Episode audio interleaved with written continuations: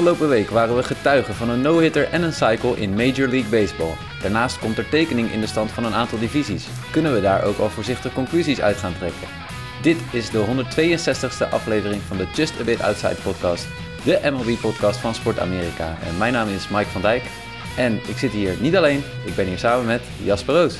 Een heel goede middag, Mike van Dijk. Goedemiddag, goedemiddag. Een, uh, een bewogen weekje weer met Zo. diverse dingen die er uh, zijn gebeurd. Maar laten we gelijk beginnen met het, ja, ik denk het, het mooiste moment van afgelopen week. De 12-0 overwinning van de Los Angeles Angels op de Tampa Bay Rays. Waarbij Reed Detmers een no-hitter wist te gooien. ja. Wat, wat is je beeld? heb, je, heb je gekeken? Heb je de samenvatting, denk ik, vooral gezien? Ja, ja, Angels-wedstrijden zijn over het algemeen niet aan mij toebe toebesteeld, toebedeeld. Want tijd. Maar uh, ja, nee, fantastisch, uh, fantastisch pot gegooid natuurlijk. Maar twee strikeouts, dus het was niet dat je denkt hij domineerde uh, een, een line-up.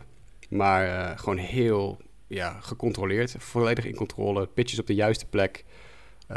zwak contact door de, de offense waar hij tegen stond te gooien. Weer de Tampa Bay Rays. die worden echt, volgens mij worden die elk seizoen wel een keer geno-hits ongeveer. Um, dus ja, nee, gewoon een heel erg volwassen wedstrijd van een, van een rookie van 22.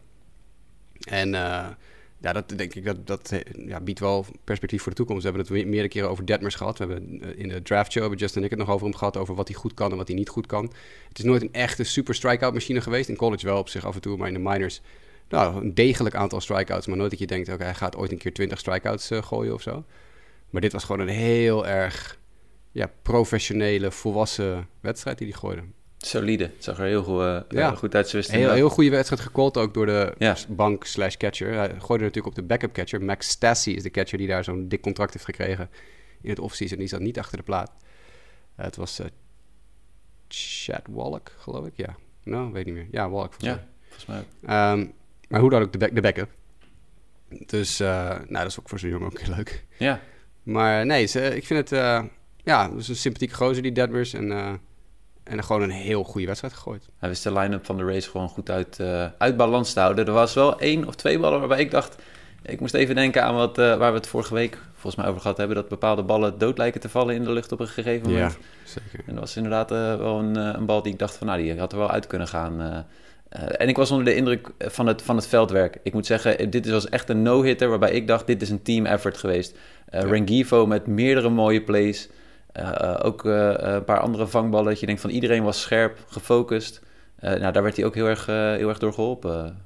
Zeker, zeker. En hij heeft natuurlijk gewoon hij heeft maar één keer vier wijd gegooid. Hij was één keer vier wijd verwijderd van een perfect game. Dus ik bedoel, het is... hij, hij gooide strikes. Dit is, wat je, dit is wat je krijgt als je strikes gooit. En zeker nu, nu de bal inderdaad niet te vertrouwen is voor, voor aanval... denk ik dat het gewoon... Ja, je, je beste kans is gewoon veel strikes gooien. Dat is natuurlijk altijd vaak wel... daar begint het mee. voor succes. Maar je moet, hoeft niet heel bang te zijn voor contact in bepaalde situaties. Zeker als je als, als wat uh, uh, Detmers deed, gewoon alles op de juiste plek gooit. Want hij gooide dus ongeveer alles waar het moest komen. Het was, het was bijna Maddoxiaans. Misschien is dat wel eens een voorbeeld. Ik weet niet, die vraag heb ik nog niet voorbij zien komen. Ik zag wel dat hij met 22 jaar uh, niet de enige was die een, een no-hitter had gegooid. En, en een quizvraag zou nu zijn, wie was de andere 22-jarige die in 2006 een, een no-hitter gooide. Maar ik, misschien dat je dat al gevonden had of gelezen had. Ja, dat heb ik al gelezen, maar je mag de mensen wel vertellen. Anibal Sanchez. Ja. Ook die gooit af en toe nog in Major League Baseball. Hm? Ja, het is ook nooit geworden wat je... Hij is wel eens een degelijke Major Leaguer geweest, maar als je op je 22e een no-hitter gooit, dan... Uh... World Series title gewonnen. Ja. Maar wat, uh, Detmer zelf, uh, je zei, we hebben hem ook besproken in de, in de draft show een paar jaar terug met, uh, met Justin. Mm -hmm. um, wat kunnen we nu van hem verwachten? Want zijn eerste start, starts waren nogal shaky. Is het nu iemand die jij in fantasy ook op zou, zou pakken? Nou, sterker nog, ik was het al van plan aan het begin van het seizoen. Uh, als ik heel eerlijk ben. Dat heb ik uiteindelijk nooit gedaan, want ik had geen, uh, geen ruimte in mijn team. Maar ik heb Detmers altijd op het scoutlijstje staan in fantasy. Het is wel een jongen die ik serieus neem, ja. Ik bedoel, zijn college stats waren echt wel, echt wel prima. Hij heeft uh, gegooid voor Louisville. En daarin ja, had hij toch altijd eigenlijk heel goede strikeout-to-walk ratio's. Zijn beste seizoen was bijvoorbeeld 2019 in college. Toen gooide hij 167 strikeouts en 33 walks in 113 innings. Dus veel meer strikeouts dan innings pitched. Dat geloof ik even kijken. Zijn strikeout per nine was 13,2. Nou, dat is natuurlijk heel stevig. En zijn laatste jaar gooide hij maar 22 innings, want dat was 2020 als het pandemieseizoen. toen gooide hij 22 innings, 48 strikeouts, 6 walks. Een, een strikeout ratio van bijna 20, 19,6 strikeout per 9. Nou, dat is natuurlijk absurd. Ehm, maar dat was ook een heel kort seizoen.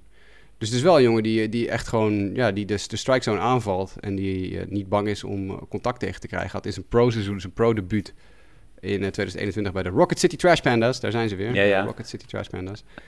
Uh, gooide die 54 innings, bijna 100 strikeouts. is ook weer ja, echt wel een... Het is geen extreem aantal, maar het is wel echt dat je denkt van... nou, dit is een jongen die, gewoon, die niet bang is om de bal te gooien. Zijn probleem is in dat jaar geweest... en dat was ook zijn jaar in 2019 met Louisville... dat hij te veel home runs tegenkreeg.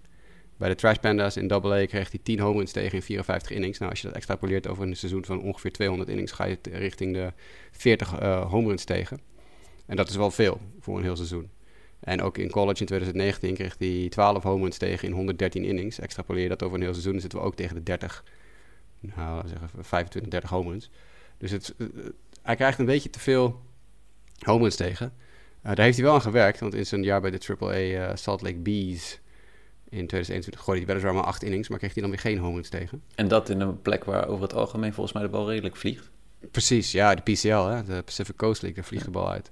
Dus dat is op zich een goede ontwikkeling. Dit jaar tot nu toe 31 innings, 3 home runs tegen. Dus dat is ook in orde. Dus als hij daaraan kan werken, ja, dan, dan kan hij uh, een heel nuttige speler worden. Ja. Het is een heel erg under the radar goede, goede pitcher altijd geweest. Ja. Al. Ja, voor de Angels op zich ook uh, mooi om te zien dat er weer een, een jonge speler, een jonge werper uh, door weet te breken. we gaan even kijken of die op de lange termijn ook dit kan doen. Het was wel een bijzondere game, vond ik zelf. Hè? Mike Trout, twee home runs. Mm-hmm. Nou, is dat bijzonder? Nee. Mike Trout is wel weer op dit moment de beste speler in Major League, denk yep. ik. Kunnen we wel stellen. Ja. Um, hij en Otani. hij en Otani, precies. Je zal ze maar allebei in je line-up hebben staan. Nou, nou, maar dan heb je ook nog... En dan nog steeds Anthony... niet bovenaan staan in je divisie. Nee, precies. Maar dan heb je ook nog Anthony Rendon. En ja. die sloeg uh, in één keer in de achtste inning volgens mij als linkshandige slagman. Ja, en tegen Brad Phillips, hè? Ja. ja. Hoe... hoe de, mm. Nee, vind ik mooi. Vind ik humor. Oké, okay, ja? Vind, ja, vind ik humor. Ja, ik bedoel, uh, uh, Rendon die had blijkbaar zoiets van... nou, we staan ver genoeg voor. We, een beetje luchtig amusement. Ik ga linkshandig slaan tegen een position player pitching. Ja. ja. Toevallig sloeg hij hem eruit. Het is niet de eerste keer. Volgens mij is het dan het verleden al een keer eerder gebeurd. Maar dan in een All-Star game dat een speler switch hitte en hem eruit sloeg. Ik weet even niet meer wie het was. Um, dat is lang geleden hoor. Dat is tientallen jaren geleden. Dus nee, ik vond het wel grappig. Ik, nou ja. ik kan dat soort dingen kan ik wel waarderen. Ik, ik ook hoor. Het is vooral ook als zij een positiespeler laten gooien. Dan denk ik ook van, nou ja, als jullie zo gaan doen, dan kunnen wij best ook. Maar anders had ik wel gedacht van, ah, nou, ik weet niet. Nee, dat maakt niet zoveel uit. Ik vind het wel grappig. Je moet het niet te serieus nemen allemaal. Hij is nu wel ook gelijk, zag ik, uh, uh, wordt hij aangemerkt als switch hitter in plaats van alleen nog maar uh, ja. oh, terecht. Ja, ja. Was het ook niet een keer, volgens mij is er ook een keer iemand geweest, maar dat was een andere reden. Was dat Larry Walker in een All-Star game tegen Randy Johnson? Oeh, dat zou best kunnen. Weet je dat nog? Dat, dat, dat, die, dat Johnson echt, nou ja, typische Randy Johnson dingen deed. Dus echt unhittable was in de All-Star Game. En 100 mijl per uur fastballs en frisbee sliders liep te gooien. En dat Larry Walker toen zijn helm andersom heeft gezet. Nee, dat was zijn die, hoofd. Uh... En, en, toen in het andere slagwerk is gaan staan. Ja, dat was volgens mij die, uh, uh, die catcher die ook nog bij Baseball Tonight heel lang heeft gezeten. Oh, Kirk. Volgens mij. John, John Kruk? John, of John Kruk, ja. Nee, John Kruk is toen nog met pensioen. Die heeft, ik weet wel dat, dat hij op een gegeven moment... Niet, dan was het niet tegen Randy Was het wel tegen Randy Johnson? Was die heeft op een gegeven moment wel zijn, zijn helm, weet ik, omgedraaid. Ik heb zoveel MLB TV-wedstrijden gezien dat dat moment wel Ja, misschien wel. Misschien heb je wel gelijk. Want dat moet, dan, dat moet dan in de tijd geweest zijn dat uh, Randy Johnson nog bij de Mariners zat. Want dit was echt zo'n moment dat uh, uh, op ja, MLB TV in, in between innings dan echt honderd keer voorbij is gekomen. Zo niet 200 keer. Volgens ik mij ga was even, Ik ga even spieken, maar ik denk dat je gelijk hebt. Want het is, uh, het is in de tijd geweest dat Johnson nog bij de Mariners zat. Ja, het is langer geleden dan ik dacht. Het is 93. Ja, het is inderdaad John Kruk. Je hebt helemaal gelijk. Nice. Maar het is wel een iconisch moment volgens MLB. Wel een heel grappig moment. ja, ja. man. Ja.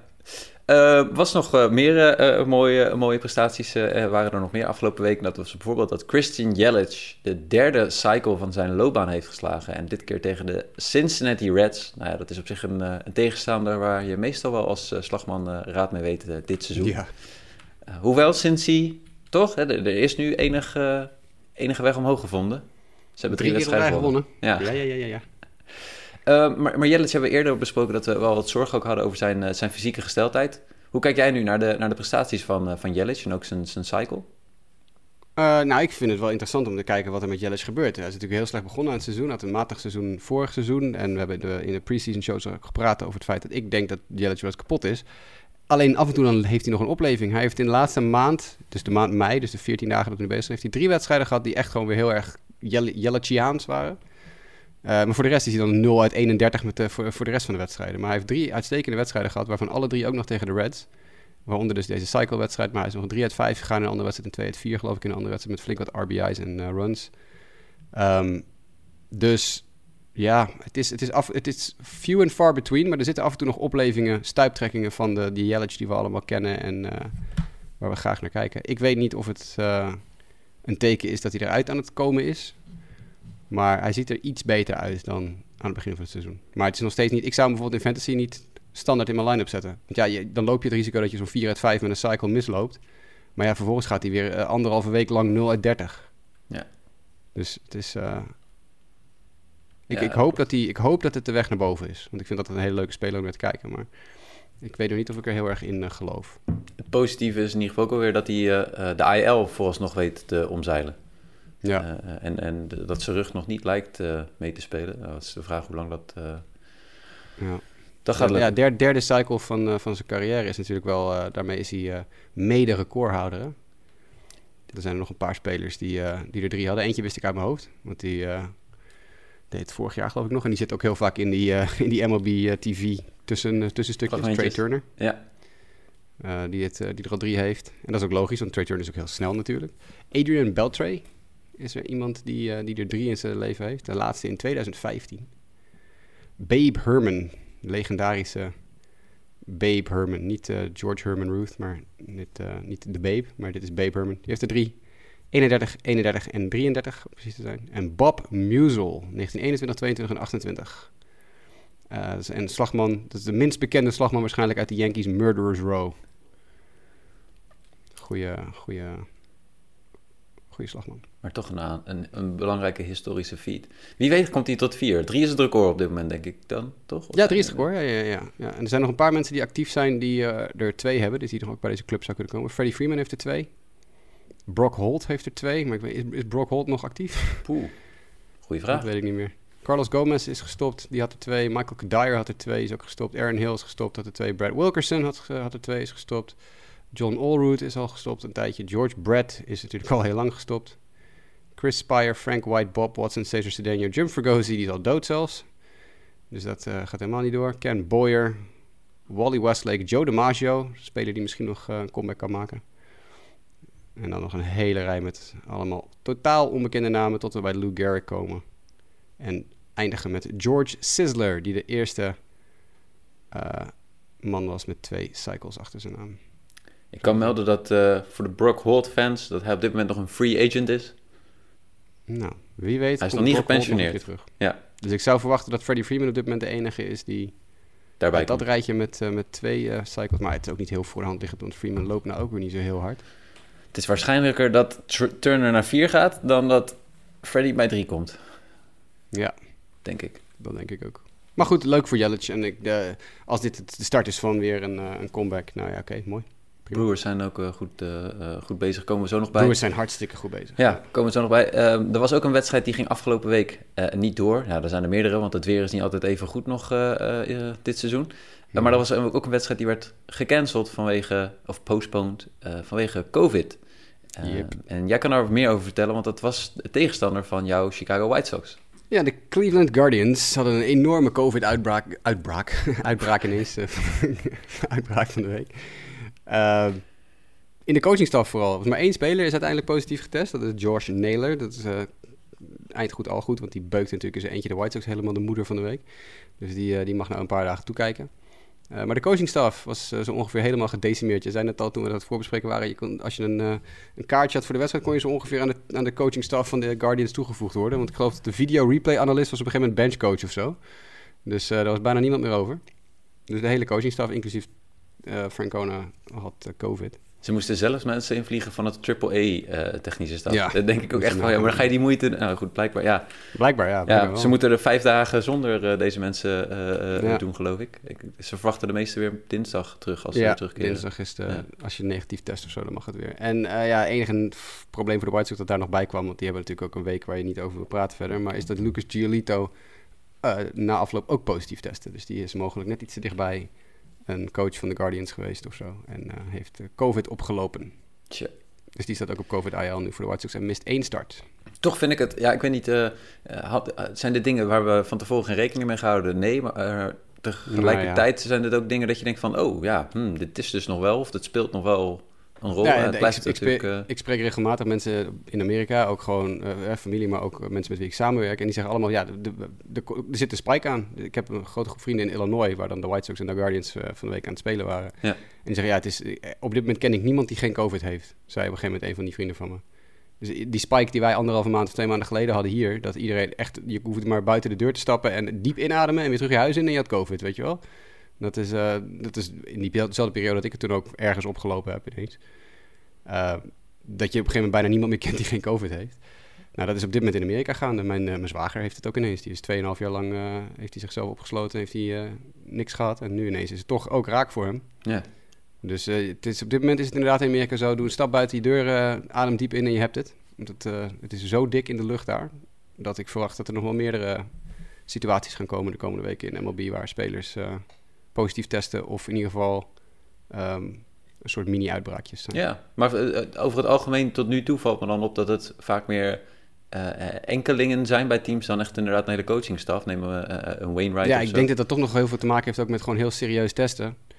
Uh, en, en zodra je ook maar lichte symptomen hebt of wat dan ook, gelijk het feit dat Giolito heeft al sinds woensdag had hij klachten, maar die is meteen het hotel ingestuurd, gewoon weggestuurd. Die is niet eens meer naar het stadion gekomen toen. Ik heb snotneus, hup, terug naar, het, uh, naar je hotel en we komen je testen. Ja. ja. en daardoor is er ook geen uitbraak bij de White Sox. Ja.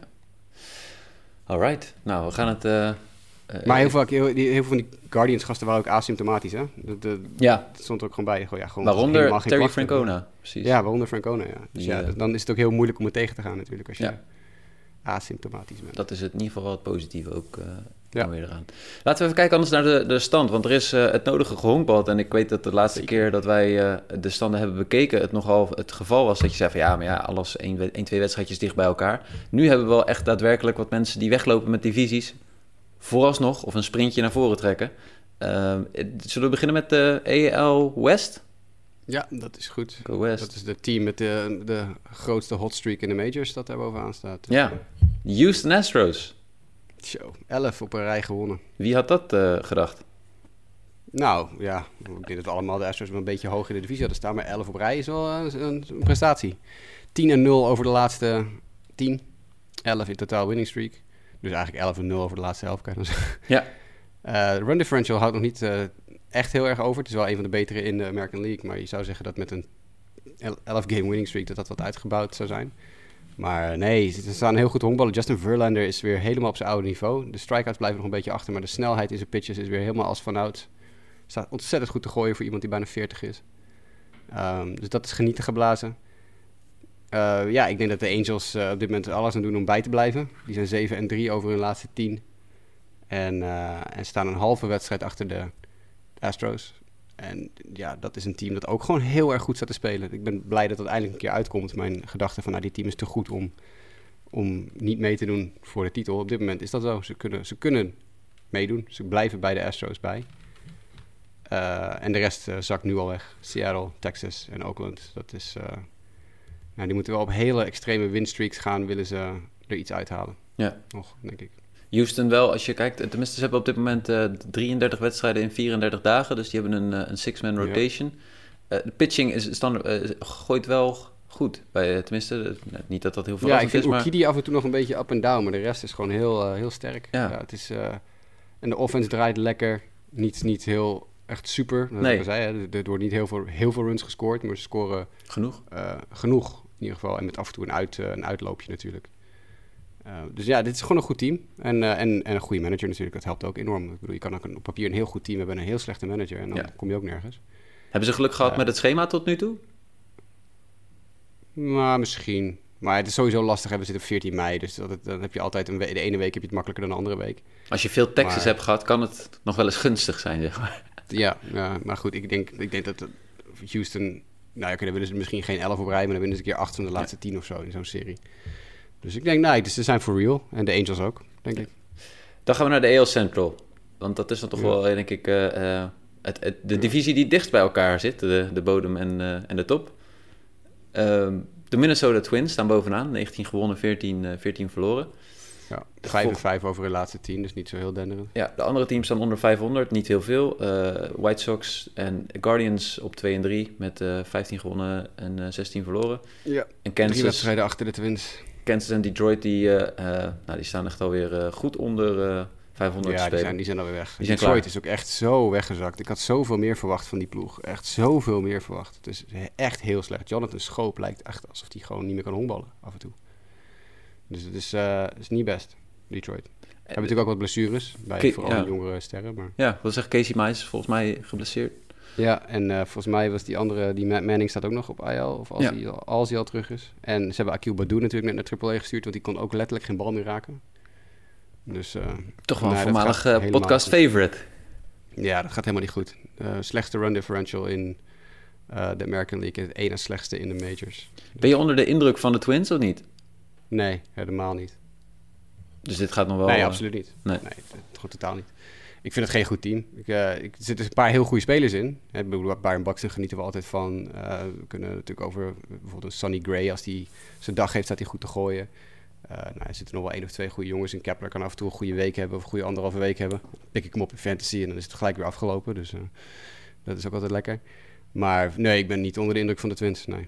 En, de, en, Met- als, de- als de White Sox ook maar een beetje op hun normale niveau spelen... en dan heb ik niet eens, hoeven ze niet eens de, de, de pannen van het dak te slaan of zo... maar als ze bij wijze van spreken op, allemaal op een hal, de helft van hun niveau halen... dan staan de, de, de Twins vijf wedstrijden achter. ja, Maar ja, de White Sox zakken al drie weken lang volledig door de ondergrond. ja. Dus ja, dan, dan, ja, dan is het eigenlijk een schande in die divisie dat ze nog tweede staan.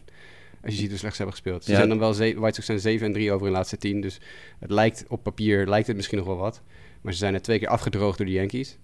Echt afgedroogd. En dan heb ik het vooral ook over de waanzinnig slechte managing bij de White Sox. Want Tony La Russa kost op dit moment de White Sox dit seizoen van de 31 wedstrijden. Ik denk zeker, nou, ze hebben 16 wedstrijden verloren. Ik denk dat er 8 op het konto komen van managerbeslissingen van Tony La Russa. Dat is geen grap, dat is geen, dat is geen overdrijving. Eh, ik denk dat er daadwerkelijk acht concrete wedstrijden zijn waar je kan wijzen naar beslissingen die Tony La Russa genomen heeft, die de White Sox de wedstrijd kosten. Nou, daarbij is natuurlijk defensief slechtste team in de majors op dit moment. Statistisch gezien het slechtste team in de majors, defensief. Colorado Rockies één na slechtste en die staan een behoorlijk stukje bij de White Sox vandaan. Dus het is ook niet zo dat ze net aan eh, laatste staan en dan eh vlakbij de rest, bij, vlakbij tien andere teams. nee, de White Sox staan echt nou, dit is stijf onderaan in alle defensieve metrics. Ze hebben twee van de, twee van de 14 onderste slechtste outfielders in de majors zijn White Sox outfielders, defensief. Eh, AJ Pollock en Andrew Vaughn. Ehm, het is, eh, ze voeren de majors aan in errors. Tim Anderson heeft nu al meer errors dan vorig seizoen, het hele seizoen. We zijn eh, zes weken onderweg. Eh, de pitching is volledig weggevallen. Dylan Cease had van de week tegen Yankees een waanzinnige start. Gooide vier innings, twee keer vier wijd, 11 drie slag, maar ook zes runs tegen. Ja, weet je, dat is, daar kan je niet tegen aanspelen. Dat is, de boelpen is, is bagger, weer blessures erbij. Aaron Bummer is nou weer geblesseerd. Nou, dan komt Joe Kelly komt terug en die wordt van de week weer helemaal kapot gebeukt... omdat hij veel te lang op de heuvel wordt laten staan door La Russa... die weer zat te slapen in de dugout. Eh, ja, de White Sox moeten Tony La Russa morgen ontslaan. Maar dat kan niet, dat Nee. gaat niet gebeuren. Want die Nee. wordt gedekt door de eigenaar. Nee, precies. Het, het blijft wel... eh, kijk, we Ze zijn dan tweede in de divisie en ze hebben een, een run differential van min 27. Ja. Min 27. Hoe kan je daar nou godsnaam tweede mee staan? Volgens mij is het enige team in de majors dat tweede staat met een negatief run differential. Ja, ja, er staat er eentje volgens mij met een neutral. nul. Volgens mij staat Ja, dat is eh, de race. Ja. ja. Maar die zijn op nul. Dus het enige team met een negatief run differential in de majors dat tweede staat, dat dusdanig in de buurt van een eh, playoff plek staat als, als de White Sox. 27 negatief run differential. Ja. ja, we wisten wel, het seizoen beginnen, toen waren er veel blessures ook in springtraining voor die, voor die starting pitchers. Daar zit nog niet echt veel beweging in, hè? Dat, dat, Nee. eh, nee. Lin, Lin wordt eh, juni voordat hij terug is. Eh nou, ja, Crochet is het hele jaar al uit. Dus nee, het is, het is heel... Het is, ja, er is geen team in de majors dat op dit moment zo onderpresteert als de White Sox. Maar uh, positief bekeken, je noemt het onderpresteren. We weten wel dat het team het, in principe een team voldoende kwaliteit heeft om uiteindelijk boven te kunnen rijden. En je kan het wel beter nu hebben dan in een later moment wat te doen. Ik denk dat de White Sox de, de, de Twins van 2019 zijn. Of was het 2020? Wanneer was 2021? Er was zo'n jaar dat de, de Twins uh, als favorieten dat jaar ingingen en stijf onderaan eindigden. Nou, dat zijn de White Sox dit jaar. Oké. Als, niet, als het niet heel snel heel, heel radicale dingen veranderen, uh, dan, dan is het einde verhaal. Maar dan moet eruit. Dat is, dat, is, dat is wel een mooi bruggetje naar de EL East zometeen. Ja. Want daar hebben we ook wat, wat teams die onderpresteren, denk ik. Ja, er zijn er wel meer, maar niet zo erg als de White Sox, denk ik. Nee, uh, van, van, onder naar boven. Jij, hebt het, jij hebt het over Toronto natuurlijk dan. Nou, ja, ja Toronto. Maar ook, uh, uh, ik ben toch ook wel verrast dat de, de, Red Sox op dit moment met 12 en 20... bijna, nou, in ieder geval het slechtste team in... nee, nee, maar tot een van de mindere teams zijn op dit moment. Nou, ik, ja, ik had al niet zo heel hoog hoop van Boston dit jaar. Maar ja, nee, inderdaad. De Toronto en Boston vallen enorm tegen, allebei tot nu toe. Ja. En Boston is natuurlijk vooral het grote probleem dat die offense gewoon letterlijk helemaal niks voor elkaar krijgt. Echt helemaal niets voor elkaar krijgt. Nee. Nee, uh, Baltimore staat dus uh, tussen Toronto en, uh, en, en, Boston in. En dan staat daarboven met 20 gewonnen en 13 verloren de Tampa Bay Rays.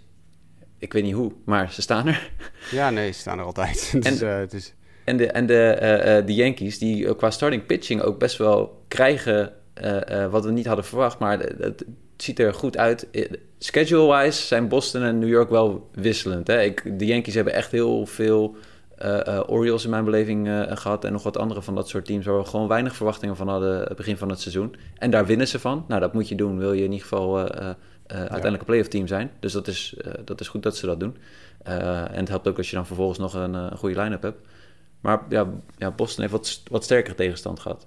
Nou ja, Boston is gesweept door de White Sox. De White Sox kunnen amper winnen. Dus dat is, dat is ook wel een, een teken aan de wand. Um, ik, uh, ik moet zeggen dat uh, als je kijkt naar de Yankees, hebben bijvoorbeeld Nestor Cortez. Uh, een speler die eigenlijk heel under the radar dit ja. seizoen nou, een soort doorbraakje heeft. Maar als je kijkt naar wat hij eind vorig seizoen deed, dan zat er eigenlijk, als we heel diep hadden geanalyseerd over wat Nestor Cortez vorig jaar aan het doen was, dan mag dit eigenlijk niet als een heel grote verrassing komen wat hij nu doet. Maar het is wel ontzettend leuk om naar te kijken. Het is een jongen die met heel weinig eigenlijk heel veel doet. Want hij heeft geen 100 mijl per uur fastball, hij heeft geen dat soort dingen, maar hij heeft goede controle. Hij is niet bang om de strike zone aan te vallen. Uh, dus dat, is, ja, dat, dat zijn dingen die je dan misschien niet helemaal aan ziet komen, maar die wel echt helpen. In dit geval bij het team. En ze scoren gewoon veel runs. Ik bedoel, het is gewoon een offense die heel veel runs scoort. Ja. Uh, Stanton is in goede vorm, Judge is in goede vorm. Mayhew uh, gisteren ook weer een uitstekende wedstrijd gespeeld, eergisteren ook. dus ja, de Yankees zijn gewoon op dit moment gewoon heet. En inderdaad, ze hebben misschien niet het allermoeilijkste schedule aller tijden, maar het is ook niet zo dat je denkt van er worden heel veel wedstrijden weggegeven of het is spannend of wat dan ook. Nee, ze zijn gewoon op dit moment gewoon heel goed in, heel goed in vorm. Ja. 8 en 2 over hun laatste 10, 5 op rij gewonnen. Spelen nu tegen de White Sox en die gaan ze sweepen dit weekend. Als zelfs Anthony Rizzo zo in vorm begint te komen. Ja, nee, Rizzo, een triple van de week. Ja. een van de langzaamste spelers in de Major League die een drie honkslag slaan. Ja. Dan, uh, dan, weet je dat het, uh, dat het aan is. Nee, Yankees spelen gewoon heel goed. Spelen heel, uh, maken weinig fouten en hebben goede pitching. Boepen is in orde. En de offense slaat alles helemaal de moeder. Volgens mij hebben ze de meeste runs gescoord in de American League, toch? Dat ja. zou best kunnen. Jordan Montgomery ook wel... De, tenminste, sowieso... De, oh, nee, Angels, Angels hebben meer runs, sorry. Angels hebben meer runs dan de Yankees, maar niet veel. Ja, jo, ja nee, Montgomery inderdaad. Ja, Montgomery ook goed. Cole was ook weer goed. Ja. Goed. Ja, goed genoeg. Ja, ja. Dus zodoende de American League. Laten we nog even ja. overgaan naar de National League. Uh, Rup, beginnen we ook West? Beginnen ook Wel, West. Ja. Strongest division in baseball. Iedereen boven 500. Iedereen boven 500. Althans, dat is ook wel heel apart. Ja, de Rockies op 500. Nog. Ja, en die, die hebben er net vijf op rij verloren. Dus die zakken misschien, als ze er nog eentje verliezen, zitten natuurlijk net onder 500. Maar ja. Dat, uh... ja. Diamondbacks... En dan toch maar 4,5 wedstrijd achter staan. Hè? Dan sta je laatste in je divisie, speel je 500 baseball en dan sta je 4,5 wedstrijd achter de nummer 1. Ja, ja dat klopt. Sick. Ja, Diamondbacks erboven met uh, 18 gewonnen 15. Uh, de 8 en 2 over de laatste 10. Er is bij Arizona iets. Is het schema of is, het, uh, is er iets ja. in ploeggevaar? Nou, de, de, de infusie van Alec Thomas als top prospect in de line-up. Die, uh... Dat heeft zeker bijgedragen. Tenminste, ja. hij, hij, hij, is goed aan de slag. Kijk, de, de offense is wel. Ik geloof dat ze qua runs scored niet zo heel hoog staan. Ik geloof ergens iets in 120 runs ja, gescoord. 120 runs gescoord. Dat is gewoon echt een probleem. Want die, die line-up loopt gewoon niet zo goed. Maar de pitching is heel erg met die oude man die overgekomen is van de Houston Astros meneer Storm. de pitching, daar lijkt gewoon iets te werken. Uh, er, is echt, de starting pitchers komen iedere keer redelijk goed door hun starts heen. Dus dat is wel heel erg fijn. Ehm, en ze hebben gewoon redelijk makkelijk tegenstanders gehad. Ze hebben Marlins geloof ik laatste week gehad. nog een paar zwakkere teams. En daar hebben ze gewoon van gewonnen. Dus, maar ik verwacht eigenlijk... Ik ben verbaasd over deze opleving. Had ik echt niet meer zien aankomen ook. Nee, het is wel leuk om te kijken, denk ik. Ja. Ik, dus ik, ik zou niet heel veel spelers kunnen doen. Maar ik vond het wel grappig wat ze gedaan hebben bij de Diamondbacks. Dus dan raakt, wie raakt geblesseerd? Die outfielder? Oh, oh, nee, sorry, catcher. De catcher raakt geblesseerd, Carson Kelly. Mhm. En dan trekken ze Dalton Varsho uit het centerfield en zetten ze hem achter de plaat. En dan hebben ze ruimte om Alec Thomas op te roepen. Ja. Nou, dat vind ik wel een creatieve manier van een probleem op. Als we weten allemaal, Dalton, Dalton Varsho is natuurlijk oorspronkelijk een catcher, maar die is in het outfield terechtgekomen. Omdat je, ja, Kelly is natuurlijk de betere catcher en die heeft ook geen tweede positie. Uh, dus Varsho, die, wil, die, die bat wil je in de line-up hebben. Dus dan moet je maar een ander plekje voor Varsho vinden. Maar dit lost natuurlijk wel weer een probleem op. Want je hebt en een heel goede catcher die eventueel Kelly kan vervangen wanneer het nodig is. En je hebt gelijk een top prospect die je in je line-up kan zetten. Ja. Dus dat is wel een creatieve manier, vind ik, van managen. En dan moet hij het ook nog maar uh, leveren. En, en Ketel Marte begint langzaam aan een beetje vorm te vinden. Die was ook niet zo best, dus... Ketel Marte is deze, week, of deze twee weken in MLB The Show een, een extra reward. Een, ik geloof een 93 rated Ketel Marte. Dus, uh, dat zegt genoeg over die, uh, die, Voor de mensen die MLB de show spelen, uh, koop een headliner pack. Misschien krijg het al meteen wel. Hoep, hoep. de, de Giants hadden even een, een mindere periode, maar hebben nu zes op rij gewonnen. Die staan derde. Ja. En dan staat San Diego heel goed te spelen. En Los Angeles had een iets mindere week. Maar die staan nog wel steeds bovenaan. Ja, 6 en 4. Alle drie de teams bovenaan zijn 6 en 4 over de laatste 10. Dodgers, Diego, San Diego en San Francisco. Maar inderdaad, San Francisco heeft er net zes op rij gewonnen. De Dodgers hebben er drie op rij verloren. Dus dan uh, dat zijn natuurlijk de twee manieren hoe teams dichter bij elkaar komen. Ik moet zeggen, de Giants, ik geniet elke keer weer van Carlos Rodon. Die echt gewoon fantastisch staat te gooien. Ik gun het de jongen van harte. En het is uh, leuk om naar te kijken dat hij gewoon zo'n goede lijn die hij bij de White Sox uiteindelijk gevonden had vorig jaar weer doorzet. Uh, maar er is veel meer bij San Francisco. Alex Cobb hadden wij het even over. Die staat, hij heeft af en toe een beetje een dipje, maar de laatste twee starts ook weer heel goed voor de Giants. dus dat gaat, gaat prima. San Diego, ja, San Diego blijft San Diego. Die hebben Robinson Cano toegevoegd aan hun team. Die natuurlijk gedFA'd werd door de, of in ieder geval gereleased werd door de Mets. Dus die heeft bij San Diego getekend. Hij gaat geloof ik DH'en nu. Uh, Francie Romero, die journalist, had geloof ik het nieuwtje als eerste van de week. Uh, dat is een van die Latino-journalisten die altijd heel erg goed ingevoerd is bij de Latino-spelers.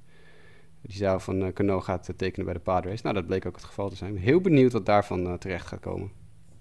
ik ook. Het zou me niks verbazen als hij echt weer helemaal oude Robinson Cano wordt nu hoor. Dat, zijn, dat is een typisch een San Diego iets. Je voegt zo'n speler aan je line-up toe en die gaat helemaal bonkers voor drie maanden. Dat, uh, ja, tenminste, als ik naar zijn statistieken keek, het is niet wat we in het begin van zijn carrière hebben gezien, maar de laatste. Hij is, hij is wel. Hij, nou ja, goed, je weet niet wat hij gebruikt heeft, maar hij is wel average geweest. Ja. Dus ja. Ja, nee, ik eh, ben heel benieuwd. Ik, uh, ik moet zeggen, het is wel weer een typische San Diego move. Ja.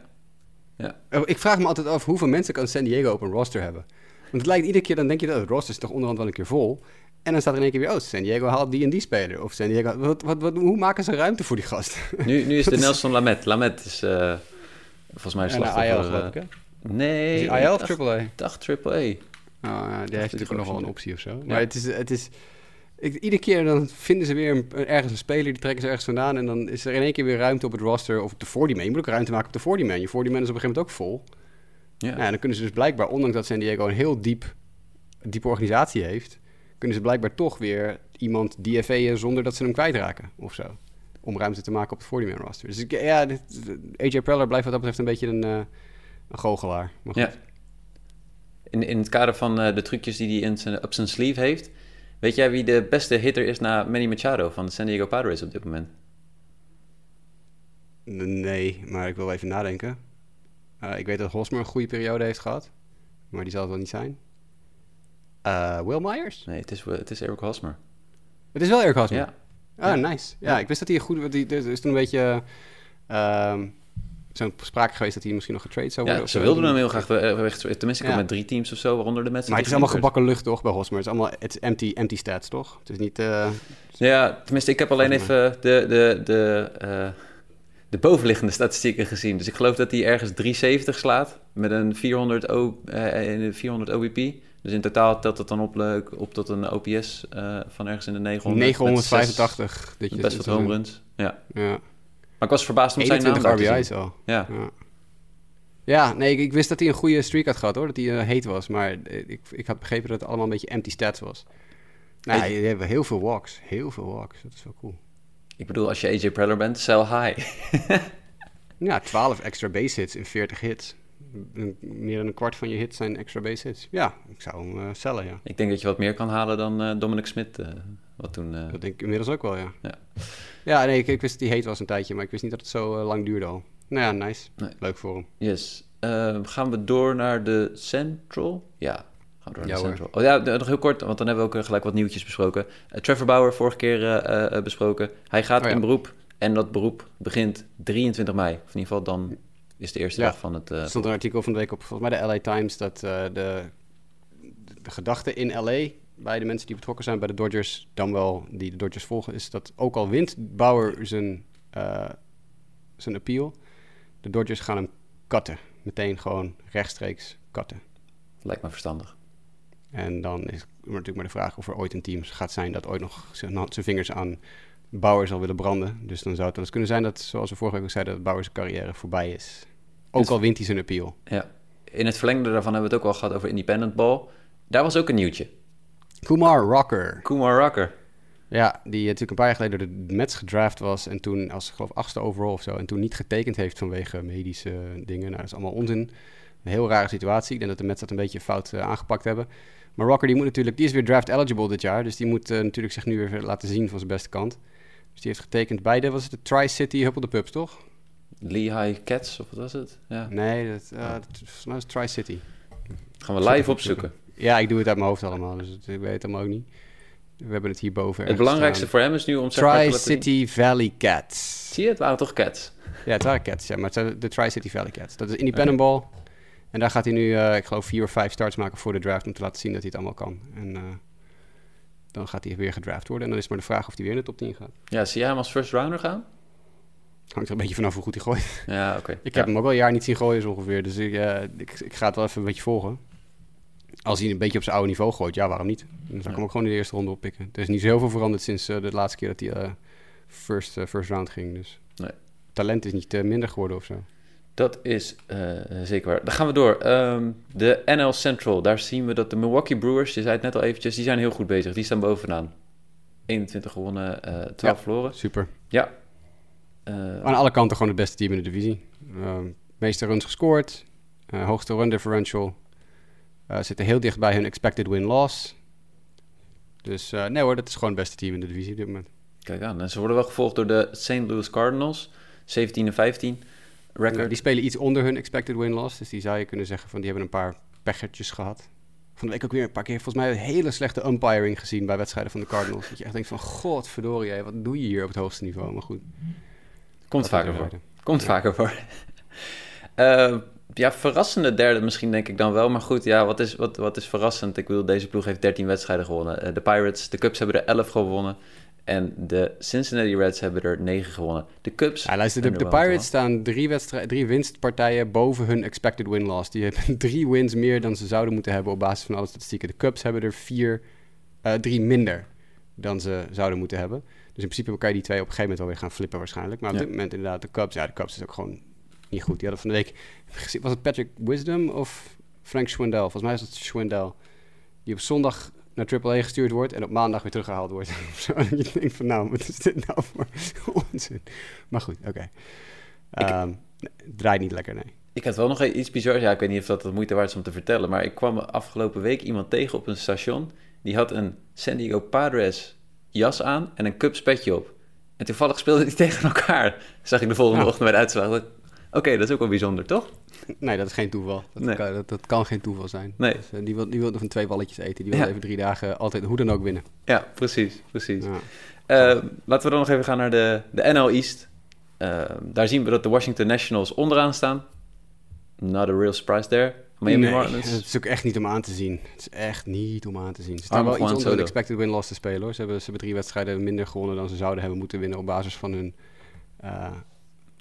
run differential, statistieken en game eh, schedule. Maar het is... eh, nee, het is slecht. Het is gewoon Ja. slecht. Kunnen we gelijk zeggen dat er wel... Terwijl het heel nou- grappig is dat het, bijvoorbeeld een George Bell... Sorry, ik onderbreek Ja. je. maar de, George Bell... eh, weer voor de mensen die MLB de show spelen... Als je George Bell in je line-up hebt, zit je geramd. Die gozer die, die beukt alles helemaal de moeder. Maar dan speelt hij bij zo'n team in het echte leven. Dat is toch wel pijnlijk. Ja, maar de, de- ja, ik bedoel, Juan Soto is ook natuurlijk altijd wel de moeite waard Ja, om, eh, te Soto is kijken. verhaal. ja. En Ja. eh, eh, Josiah Gray hebben we het natuurlijk ook al een paar keer over gehad. die Dus is het, is, wel, ja, ja, die is, het, die is, is goed. het, is, het is niet alleen kommer en kwel, maar het zijn wel heel weinig licht, hoe zeg je dat, eh, lichtpuntjes in, eh, in, een, in een diepe duisternis, zeg maar. Nee, is zeker waar. Ik moet zeggen, Josiah Gray valt mij helemaal niet tegen. Ehm hij krijgt af en toe nog een beetje veel homeruns tegen. Maar er zijn echt wedstrijden waar je denkt van... Nou, dit is echt... eh, dit gaat de goede kant op. Ik geloof dat Justin Kevenaar eh on hem gebankt heeft in fantasy. Maar Oké. Nee, nee, het, is, het is een beetje up en down nog hoor. Hij krijgt wel af en toe een beetje tikkies. Maar het is eh, een paar hele goede starts gehad ook dit jaar. laten we ook nog even benoemen dat eh, een van de spelers die de World Series titel won met de Washington Nationals met pensioen is gegaan. Gerardo Parra has retired. Gerardo Para. Ja, laten we er verder niet al te veel over uh. Nee. Ik weet waar die is gedebuteerd.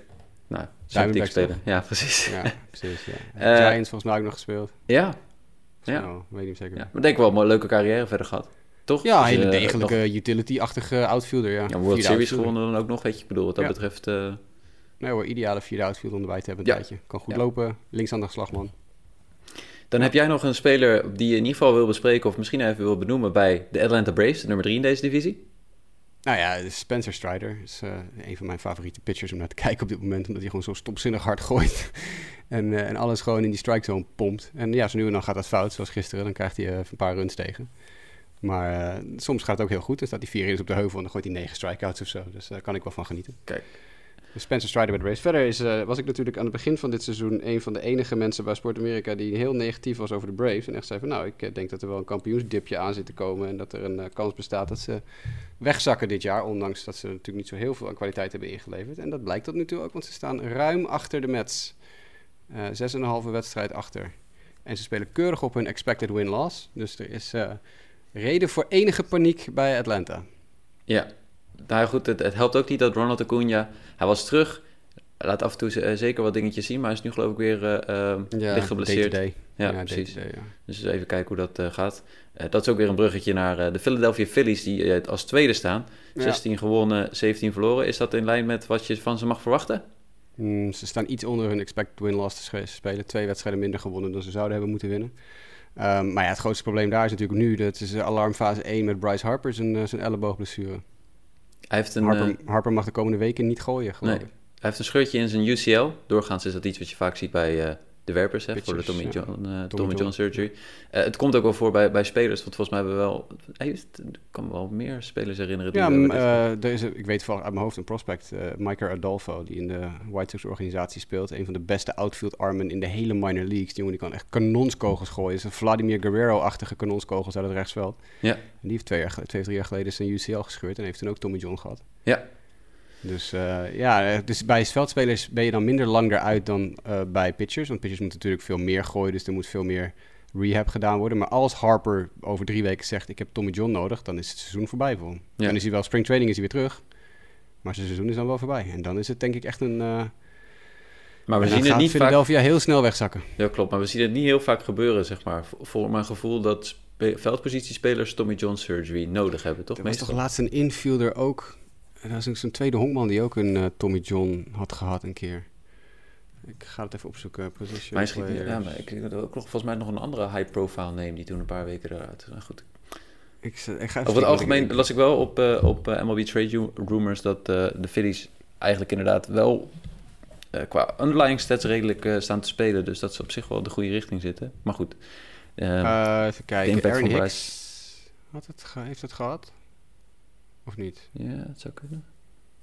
Ja, Didi natuurlijk. Oké, ja. Corey Seager. Heeft Tommy John gehad. Maar die, er, Eh, ja, die is er ook echt een jaar uit geweest, ja. 45 positiespelers in MLB hebben in totaal Tommy John gehad. Waaronder Pablo Sandoval en Salvador Perez. En even scrollen of ik nog meer namen zie staan. Gregorius hadden we al. Nou, er zijn dus best wel veel. Dit is ook nog een lijst in 2019, dus het kan zijn dat er inmiddels nog een paar bij zijn. Maar tot en met 2019 waren het er 45. Nou ja, en als je nog eh, acht jaar vastzit aan Bryce Harper zo'n beetje, wat is het? Dan eh, kan je hem in ieder geval als, gelukkig nog als DH gebruiken sinds, eh, sinds kort in de National League. Ja, dat wel, ja. Dat scheelt wel. even- waarom kan ik nog geen nieuwere lijst vinden? Oh, Miguel Sano Maar hebben, we- want welke speler, want ik, volgens mij hebben we ook spelers gehad die dit hebben, maar niet, niet hebben, eh, niet de operatie hebben gekozen. Nou, dat zou kunnen, maar dit zijn spelers die daadwerkelijk eh, Ja. Tommy John hebben ondergaan. Oh, hier, er is zelfs gewoon een Wikipedia-pagina voor alle spelers die ooit Tommy John hebben gehad. Jeumig, wat een lijst. Oh, ze staan niet op chronologische volgorde. Dat is chill. Kan ik... Date of surgery. De eerste was natuurlijk Tommy John. Ja, dat snap ik. Didn't expect it. 1974. Eh, nou ja, even kijken. Eh niet-pitchers. De laatste niet-pitcher was Franklin Barreto. Mei vorig jaar. De infielder van de A's. En die daarvoor was Aaron Hicks, 2019. Die daarvoor was Didi, 2018. Otani, natuurlijk pitcher slash DH. Ja. Corey Seager, 2018. Travis Darno, 2018. Alex Dickerson, 2018. TJ Rivera, 2017. Nou, dat zijn er wel genoeg. Toch? Gleyber Torres, 2017. Nou, dan hebben ze wel zo ongeveer. Dat, eh, de rest is niet zo boeiend. Het zijn inderdaad heel veel pitchers. Ja. Want dan komen we bij Don Kelly terecht. En eh, dat is natuurlijk niet, helemaal, niet heel relevant. Nope. Even kijken, dan hebben we Dus- alleen nog niet de, de, de New York Mets eh, besproken. Ja, New York Mets. eh, losing streak van 1. nee, eh, dat is een beetje flauw. Nee, ze zijn 6 en 4 over hun laatste eh 10. Staan net één wedstrijdje boven hun, eh, hun kunnen te spelen. Als je kijkt naar hun expected win-loss. Catcher Eh, James McCann heeft wel zijn, eh, zijn hamate-bone eh, gebroken. Dus die Ja. gaan ze nu wel kwijtraken. Nou, eh, eh, James McCann is wel een, gelijk een interessante kwestie ook. Want die heeft natuurlijk aanvallend gezien helemaal niets gebracht dit seizoen. Helemaal niet. Staat volgens mij ver onder de Mendoza-line te slaan. Met, oké, en hij slugt volgens mij 200. Dat is echt verschrikkelijk. Maar hij heeft wel een van de hoogste eh, game influence scores, geloof ik, van alle veldspelers in baseball. Dus hij is in het veld waanzinnig belangrijk voor de Mets. Maar aan slag kan je net zo goed hem overslaan. Je kan eigenlijk denk je dat je, dat je beter af bent als je gewoon zegt... oké, James McCann is aan slag, automatisch een nul... en we gaan naar de volgende slagman. Ik denk dat je daar beter mee af bent dan, eh, dan hem daadwerkelijk laten slaan op dit moment. En de game goed, influence score wordt gebaseerd op basis van... Tenminste, ik probeer me Ja, god, het is, ja, ik weet, volgens mij heet het ook geen game, geen game influence score. Het heet iets anders. Maar in ieder geval, waar het op neerkomt is dat... Statistisch gezien hij van grote invloed is Ja. op hoe de wedstrijden zich ontvouwen voor de Mets. In positieve zin. Dus de meerdere wins zijn al bijvoorbeeld toegeschreven aan goede pitch calls. Dan kijken ze naar bepaalde eh, belangrijke momenten in een wedstrijd. En hoe dan de pitch calls gedaan worden. Nou goed, heel ingewikkeld, ongetwijfeld heel ingewikkeld verhaal. Maar hij is defensief, daar komt op neer, echt waanzinnig belangrijk voor dat team. En eh aanvallend totaal niet. Maar de, ja, ik bedoel, de Mets eh, natuurlijk eh, te maken gehad met een aantal postponements de laatste week. Serie met de Phillies die gedeeltelijk verregende. Ja, en dan, ja goed, dan op dit moment hebben ze de Nationals hebben ze net 2 uit 3 gewonnen. De Mariners hebben ze van verloren gisteren. Ze blijven hun series winnen. En eh, zolang je je series blijft winnen, maak je een hele goede kans om eh, aan het eind van het jaar in de playoffs te staan, denk ik. Yep. Ik had wat het een paar weken geleden gezegd van als ze, als ze goed door deze stretch heen komen van moeilijkere teams, dan, eh, want toen hadden ze net achter elkaar twee keer de Diamondbacks en vijf wedstrijden tegen de Nationals of zo en een wedstrijd tegen de. Marlins of zo gehad. Toen zeiden van, nou, dit is niet heel erg denderend. Maar toen kregen ze daarna een serie tegen de Cardinals, Phillies, Braves, Phillies. Die serie hadden we het over, die Ja. reeks. Als ze daar goed doorheen zouden komen. Nou, ze hebben 2 uit 3 van de Cardinals gepakt. Eh, even kijken. 2 uit 3 van de Phillies. 2 uit 4 met de Braves. kortom, ze lijken En- goed door te komen. 2 uit 3 tegen de Phillies. Dus ze hebben al die series gewonnen of gelijk gespeeld. Tegen de Braves dan 2 eh, eh, gelijk. 2 uit 4, 2 en 2. Ehm, en nu ook weer de Nationals mee. Die zijn wat makkelijker hebben ze gepakt. Dus ze zijn die stretch gewoon doorgekomen door eigenlijk alle series minstens gelijk te spelen of te winnen. Ja. Nou, dat is heel netjes. Nu krijgen ze weer een iets makkelijkere periode met de Nationals en de Mariners.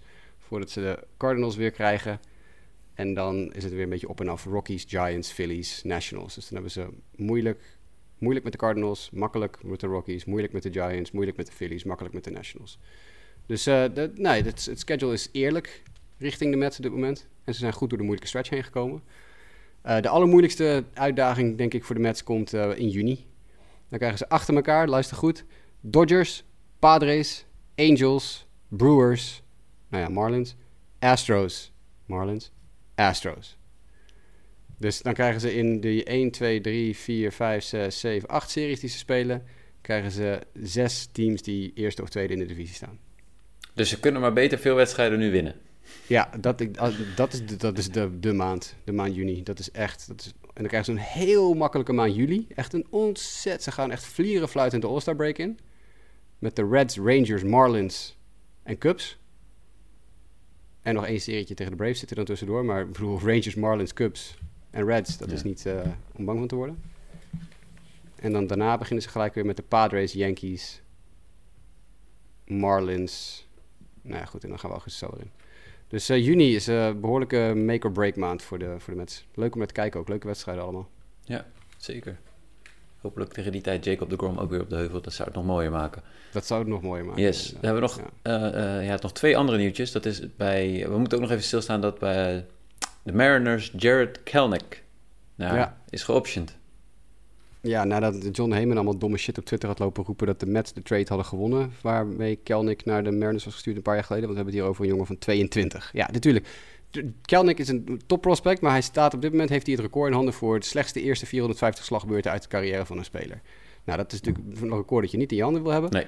Maar hij heeft daadwerkelijk de slechtste eerste 450 at-bats van wat voor speler in de Major League in de geschiedenis dan ook. Dus ja, dan zou je kunnen zeggen, de Mariners hebben hem totaal verkeerd behandeld. Want waarom zou je een jongen dat aandoen? Na 450 wedstrijden zou je toch zeggen, nou, we weten inmiddels al 200 at-bats dat hij... eh, Niet gaan worden. eh, dat het niet gaat worden. Dus dat je hem dan eventjes de kans geeft om zijn, eh, zijn zelfvertrouwen wat op te pompen. Maar het is natuurlijk heel beroerde timing dat net John Heyman hem afzeikt op Twitter... en dat een uur later de Mariners hem ook naar AAA sturen. Dat is heel, heel ja, stom, maar goed. Het, ik denk dat het talent nog steeds buiten kijf staat Zeker. bij Jared Kelnick. Hij is jongens 22, jongens. Kom op, doe even normaal. Hoeven niet allemaal gewoon Soto te zijn. Op je 20ste, je 21ste meteen ehm, all-star zijn. Soms heb je tijd even nodig. Ja. Ja. Er zijn zatspelers die nu, nu pas doorbreken. En Taylor Ward, wat hij bij de Angels staat te doen, dat was altijd wel een redelijke prospect. Niet eens van de status van Kelnick. Maar wat die natuurlijk dit jaar laat staan te doen, die is, die is, die is nu aan, op zijn 27 of 28 aan een eh, doorbraak bezig. Ja, precies. Dus. En dan eh, ja, ga ik heel nog kort nog wel even melden dat Clayton Kershaw op de 15-day IL is beland. Nou, dat is op zich geen, eh, geen nieuws. Maar ik vond de blessure wel bijzonder. Ik geloof dat hij eh, bij zijn rechterheup, Ja, dat is een SI-joint of zo, Ja, toch? Ik ja. weet niet wat het is, maar... Het, dat is hem eh, on- ontstoken is. Maar goed, ja. we gaan wel zien hoe snel die weer terug weet te keren. Dan zijn we er doorheen, denk ik. Toch? Ik denk het wel. Ja. Waar ga jij de komende week naar kijken, vooral? Oeh, goeie vraag. Nou, in ieder geval, nou, ik moet even kijken. Diamondbacks spelen nu de serie tegen de Cubs. Dat is altijd wel aardig, moeite waard. Ik moet nog even kijken. Ik heb me nog niet zo verdiept in de series voor die aankomende week eh, op, eh op bord staan. Nou, ik heb het even door zitten scrollen net, maar het zijn heel veel on, oneven, ah, onevenredige series. Er zijn heel veel goede teams tegen slechte teams. Dus het is niet... eh, kijk, het is Rays tegen Tigers, bijvoorbeeld, vanaf maandag dan. Nou ja, dat zijn de Rays natuurlijk beter. Het is eh Marlins Nationals, gaan we allemaal niet kijken natuurlijk. Yankees Orioles is niet heel eerlijk. Blue Jays Mariners zou nog wel geinig kunnen zijn. Astros Red Sox is niet eerlijk, want de Astros die gaan de Red Sox helemaal de moeder beuken. Ja, Mets Cardinals vanaf maandag, dus dat is... eh, Denk ik wel belangrijk. Pirates, Cubs, Braves, Brewers, Angels, Rangers. Braves, Brewers, dat is ook wel een leuke. Ja, White Sox, Royals, Giants, Rockies. Allemaal niets, niets heel interessant. Twins, A's, ook niet zo heel interessant. En D-backs, Dodgers, dat zou ik ook niet gaan kijken als ik jou was. Dus, nee ja, ik, ik denk als ik me de komende week vanaf maandag ga focussen op Braves, Brewers en Cardinals, Mets. Dat lijkt me leuke series. ja. Je had toch een speler volgens mij ook bij de Cardinals, toch? Jeppes. Jeppes. Yepes, ja, ik ben zijn voornaam vergeten. Juan, heet hij Juan Yepes? Eh, even checken. Ja, Juan Yepes. Ja, ja, af en toe dan heb je van die random spelers die het gewoon heel goed doen. Juan Yepes is een eh 24-jarige eerste en derde honkman die eh, ja, opgeroepen is twee weken geleden of zo en het eigenlijk heel goed doet tot nu toe. Player to watch in die serie. Ja, ja een goede naam. Yepes, Grieks I-E-P-E-Z. Juan Yepes, een Venezolaan. Yes. Eh, ja, dit hadden we toevallig voor, voor de show even over. Dat is iemand die ik... eh, die me toevallig van de week opviel. Leuke speler. Kijk, alright. Ehm, nou, dan was dat een meer voor, voor deze aflevering. Maar mocht je vragen hebben, dan kun je ons altijd bereiken. Dat kan het beste via Twitter naar Yep. @sportamerika, eh @jasperoos, @mdijk90, @grasmansd of @jwkev voor Jasper, mij, Sander of eh, Justin. Eh, we gaan even kijken wanneer we de volgende keer er weer zijn. Want ik denk dat Ja. we volgend weekend wel wat krap zitten qua tijd. Ja, dat kan. We hebben het allemaal heel druk op het moment. Sander heeft nog steeds geen internet thuis. Dat maakt het ook natuurlijk niet makkelijk. Ik weet niet wat ze bij KPN aan het doen zijn. Maar als er iemand bij KPN zit die naar deze podcast luistert, jongens, fix Sander zijn internet. Please and thank you. Eh, Justin is natuurlijk heel druk nog zijn laatste Eredivisie weekend volgende week. Dus eh, die zal ook wel niet beschikbaar zijn. Jij hebt Eredivisie eh, weekend is dit weekend, maar er zijn nog wel veel amateurzaken Ja, en dergelijke die oh, ook dat- spelen. ja, Dus het is natuurlijk het einde van het voetbalseizoen. Ja, Dat is wat ik... sorry, dat bedoel ik. Einde Ja. voetbalseizoen. Niet. Eredivisie weekend, einde voetbalseizoen.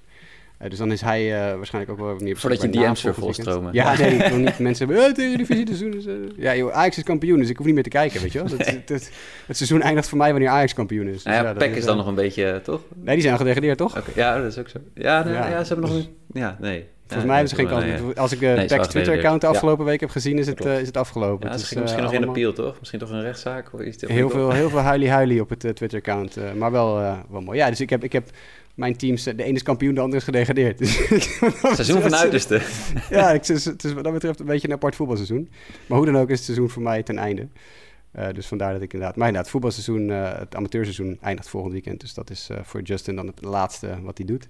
Yes. Jij bent druk volgend weekend. Ja, het is eindexamentijd voor ons hier, dus het is voor mij ook heel druk.